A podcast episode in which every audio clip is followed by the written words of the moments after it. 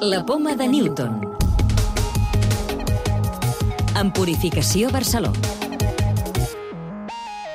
Un projecte d'investigació català vol aconseguir una teràpia basada en anticossos que aturi la infecció per coronavirus i que també ens prepari en el cas que l'actual virus muti de forma important. És el tema que centra el programa d'avui, en el qual també parlarem d'un nou registre de pacients de coronavirus i de com la Covid-19 complica els processos per a un transplantament. Investigadors de l'IDIVAPS volen identificar els anticossos més eficaços contra la Covid-19 basant-se en les petites zones vulnerables del virus que han estudiat en un centenar de pacients de diferent gravetat.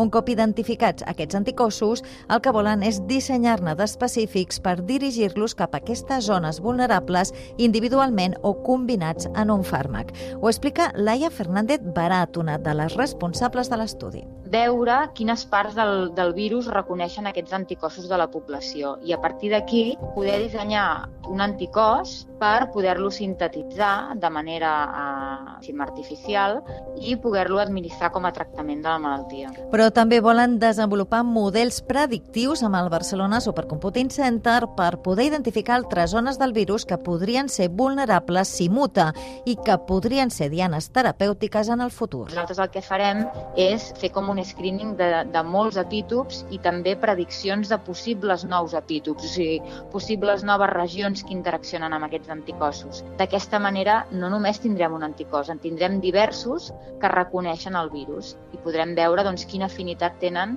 inclús quina afinitat poden tenir davant de noves mutacions del virus. La recerca tindrà doncs, dues possibles aplicacions, l'elaboració de fàrmacs per combatre la infecció i també disposar d'anticossos que puguin atacar altres variants del virus que serien molt útils, per exemple, en l'elaboració de vacunes.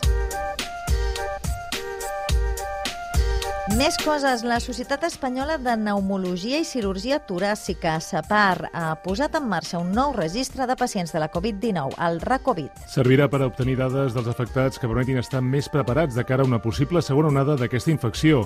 Carlos Jiménez Ruiz és president de la SEPAR. Recoger en un registro todas las características clínicas de los pacientes con la COVID-19 con el objetivo fundamental de incrementar nuestro conocimiento en esta enfermedad. La pandèmia per Covid-19 fa més complicats els processos de trasplantament d'òrgans. Raúl Abella, cap de cirurgia cardíaca pediàtrica de l'Hospital Vall d'Hebron. Esta pandemia aumenta la lista de espera porque hay menos donantes. El donante se hace más difícil porque hay que tener en cuenta muchos factores y en el caso del receptor hay que ver las secuelas que puede dejar haber tenido el virus, en este caso en los pulmones.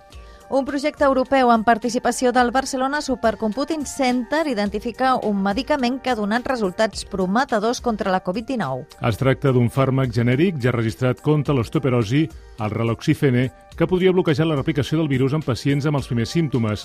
Es tracta d'un medicament ben tolerat i que es podria distribuir de forma ràpida i a baix cost. Llibres de ciència. Aquesta setmana us recomanem una lectura en primera persona d'un cas real d'encefalitis que ens descriu com es veu la vida amb un virus al cervell. Es tracta del llibre Una mañana cualquiera d'Esteban Moneo, que va patir una encefalitis que el va deixar sense parlar i sense poder moure's. L'autor descriu un sentit de l'humor, la por, l'angoixa i la frustració que va viure, però també com la malaltia el va ajudar a valorar més les petites coses de la vida. Una experiència que recorda que en alguns moments el que han viscut moltes persones ran del confinament per la Covid-19. La clau de volta. Què són els virus d'ARN com el SARS-CoV-2? Esther Ballana, investigadora de DIRS i Caixa. Els virus són patògens obligats, és a dir, necessiten infectar una cèl·lula hoste per multiplicar-se. En el cas dels coronavirus, estan formats per un embolcall amb unes punxes que recorden a la forma d'una corona i d'aquí ve el seu nom, i en el seu interior hi ha el material genètic que porta tota la informació necessària per multiplicar-se. En aquest cas, és de tipus ARN.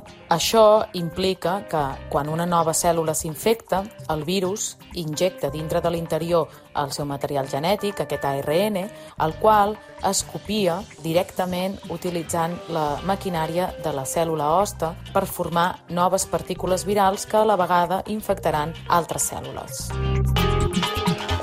Recordeu que podeu descarregar-vos el podcast de la Poma de Newton o subscriure-us al programa per rebre'l directament als vostres dispositius.